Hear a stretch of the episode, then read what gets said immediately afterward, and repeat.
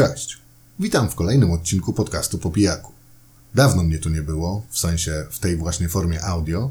Dziś jednak w zasadzie nie miałem wyjścia, bowiem na mojej drodze pojawiła się jedna z najważniejszych powieści, jakie kiedykolwiek napisano, a zarazem taka, którą studiować można właściwie całe życie.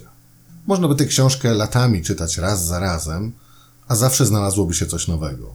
Nowa interpretacja, rozszerzenie wątków, czy wcześniej wysnutych teorii. Dlatego też nie zdecydowałem się na recenzję pisaną, bo gdybym miał wszystkie myśli przelać do dokumentu w Wordzie, to nie sądzę, by komukolwiek chciało się tyle czytać. Zresztą, co tam ja, skoro genialny, nawiasem mówiąc, posłowie do dzisiejszej lektury autorstwa Mikołaja Wiśniewskiego liczy około 40 stron, a jest ono ledwie liźnięciem wierzchołka góry lodowej. Ludzie mądrzejsi ode mnie autentycznie poświęcają lata pracy naukowej, by tę powieść zbadać i zanalizować. Dlatego ja, może w nieco bardziej przystępnej formie głosowej, postaram się dziś pokrótce podzielić swoimi wrażeniami. A o czym będzie mowa? No, jak widać już po opisie tego materiału, dotyczył on będzie napisanego w połowie XIX wieku Moby Dicka, czyli tytułu, który niby każdy jakoś tam choćby ze słyszenia zna, a zarazem, zdaje mi się, niewielu rzeczywiście po niego sięgnęło. Większość kojarzy pewnie, że w dużym skrócie cały ten Moby Dick to wieloryb i pewnie na niego polują, więc niby wiadomo o co chodzi. Otóż, i tu niespodzianka, wierzcie mi, że nie wiadomo. Dlatego też tym bardziej zapraszam do wysłuchania dzisiejszego odcinka. No dobrze, wypadałoby zacząć od podstaw, czyli od stwierdzenia, że tę wielką, dosłownie i w przenośni powieść, czytać można na dobrą sprawę dwojako. Z jednej strony można oddać się próbie interpretacji kolejnych zawartych w tekście symboli i z tych rozważań wysnuć wnioski na temat tego, co autor miał na myśli. Z drugiej zaś można potraktować dzieło Hermana Melvilla dosłownie jako powiedzmy, że powieść przygodową, w której to załoga pewnego statku wielorybniczego, płynąc po morzach i oceanach, próbuje schwytać mitycznego wręcz ogromnego białego kaszalota zwanego Moby Dickiem. I okej, okay, nie ma w takim podejściu nic złego.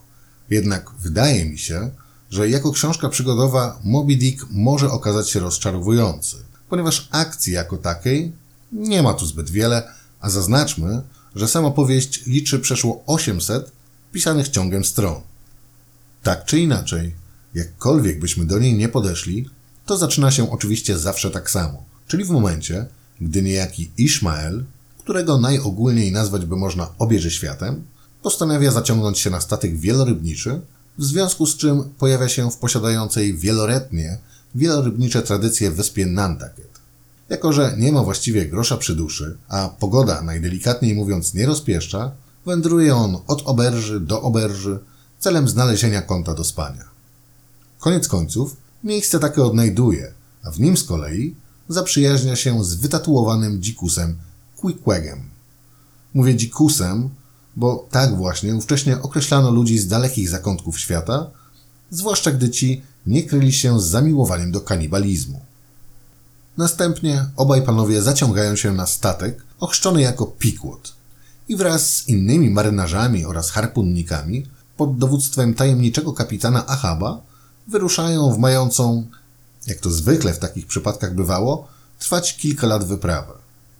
Niemal cała załoga zakłada, iż celem owej wyprawy jest zabicie jak największej ilości wielorybów, by uzyskać z nich jakże cenny olej. Powiedziałem niemal, bowiem w odróżnieniu od pozostałych, pozbawionemu nogi kapitanowi Achabowi nie w głowie olej czy byle jakie wieloryby. Kapitan wypływa z postanowieniem dokonania osobistej wandety na konkretnym, jednym, mitycznym kaszalocie, które jak pewnie można się domyślić lata wcześniej pozbawił go nogi. Dosyć szybko udaje się Achabowi najpierw poniekąd przekupić, a następnie steroryzować całą załogę, by ta ramię w ramię z nim stanęła do walki z mitycznym olbrzymem.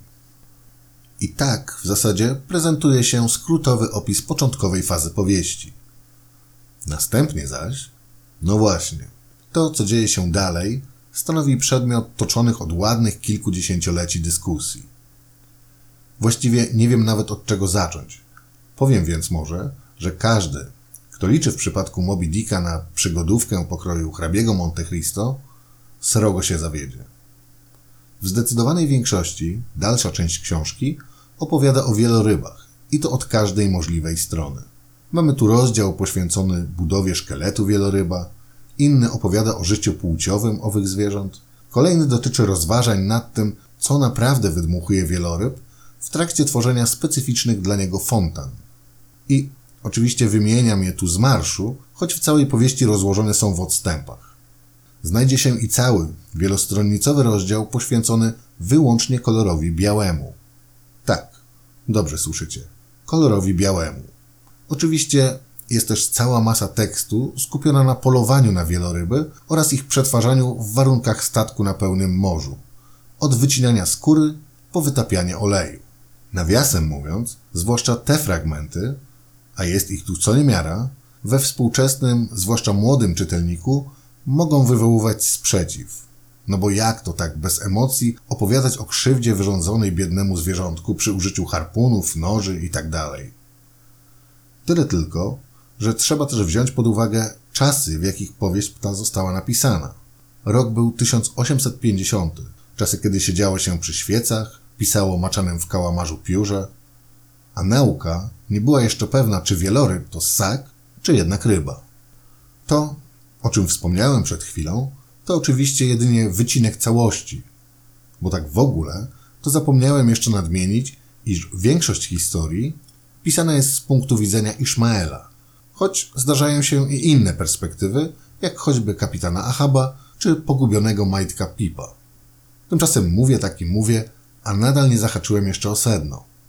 Może więc najprościej byłoby powiedzieć, że cała zawarta tu symbolika, a nawet układ rozdziałów, który do dziś pozostaje przedmiotem badań, zwalają z nóg. Na czynniki pierwsze można tu rozebrać każde pojedyncze zdanie, bowiem znaczenie ma dosłownie wszystko.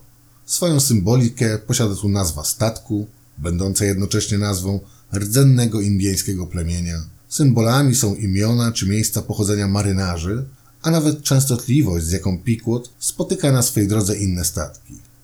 Ba, kluczowe jest w Moby Dicku nawet pierwsze zdanie, często mylnie tłumaczone, co już samo w sobie rzutuje na dalszą część opowieści. I choć wydanie, które ja sam posiadam, jest po prostu śliczne, a i przekład brzmi fantastycznie, to i tu wkradł się błąd, ponieważ pierwsze zdanie książki przetłumaczone zostało jako tu cytat. Imię moje Ishmael. Tymczasem w oryginale zdanie to brzmi tak. Call me Ishmael. Czyli bardziej na zasadzie mówcie mi Ishmael. Co ma wpływ na rozważania na temat całości. Autor nie mówi ustami narratora Oto jestem, człowiek z krwi i kości i to jest moja historia. Raczej chce nam pokazać, że Ishmael jest jednym z wielu, jednym z nas. Może i my sami. I to tylko próbka próbki tego, jaką powieścią jest Moby Dick. Nawiązań do Biblii jest tu cała masa, choć wbrew pozorom daleko książce Melvilla do podejmowania wątków teologicznych. We wspomnianym już posłowiu pana Wiśniewskiego pisze on, że wedle jednej z teorii Moby Dick rozpatrywany jest inaczej w zależności od czasów, w których jest czytany. W sensie, że zależy to od konkretnej epoki i miejsca. Ja osobiście posunąłbym się dalej i zaryzykował stwierdzenie, że czytanie tej książki jest w pewnym sensie jak czytanie samego siebie. I tu, w zależności od naszego własnego wieku i doświadczeń, będziemy w omawianej powieści widzieli zupełnie inne rzeczy, inne wartości, czy też ich brak. Tak jak już mówiłem, na temat tej konkretnej powieści pisane były, są i będą poważne prace naukowe, więc co taki ja może powiedzieć od zwykłej recenzji, kiedy pytania takie jak co symbolizuje samo morze, kim naprawdę jest Ishmael, czy też jakie znaczenie ma postawa kapitana Achaba, są zaledwie draśnięciem całości. Rzecz jasna, największą z zagadek stanowi odpowiedź na pytanie, co symbolizuje sam biały kaszalot Moby Dick. Jednak wierzcie mi, że niemal na pewno, nawet po rozłożeniu każdego zdania tej książki na czynniki pierwsze, na to pytanie odpowiedzieć się nie da.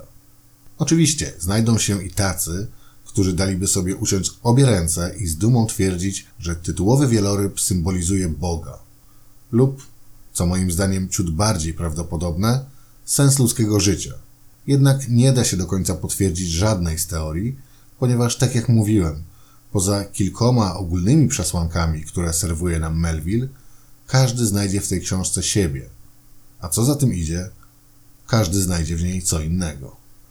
Powoli kończąc ten i tak niewiele mówiący wywód, muszę jeszcze dodać, że zarówno w trakcie samej lektury, jak i po przewróceniu ostatniej strony, świtała mi w głowie myśl, że cały ten Moby Dick to powieść, którą ciężko polubić, a jednocześnie nie sposób się w niej nie zakochać. Dlaczego?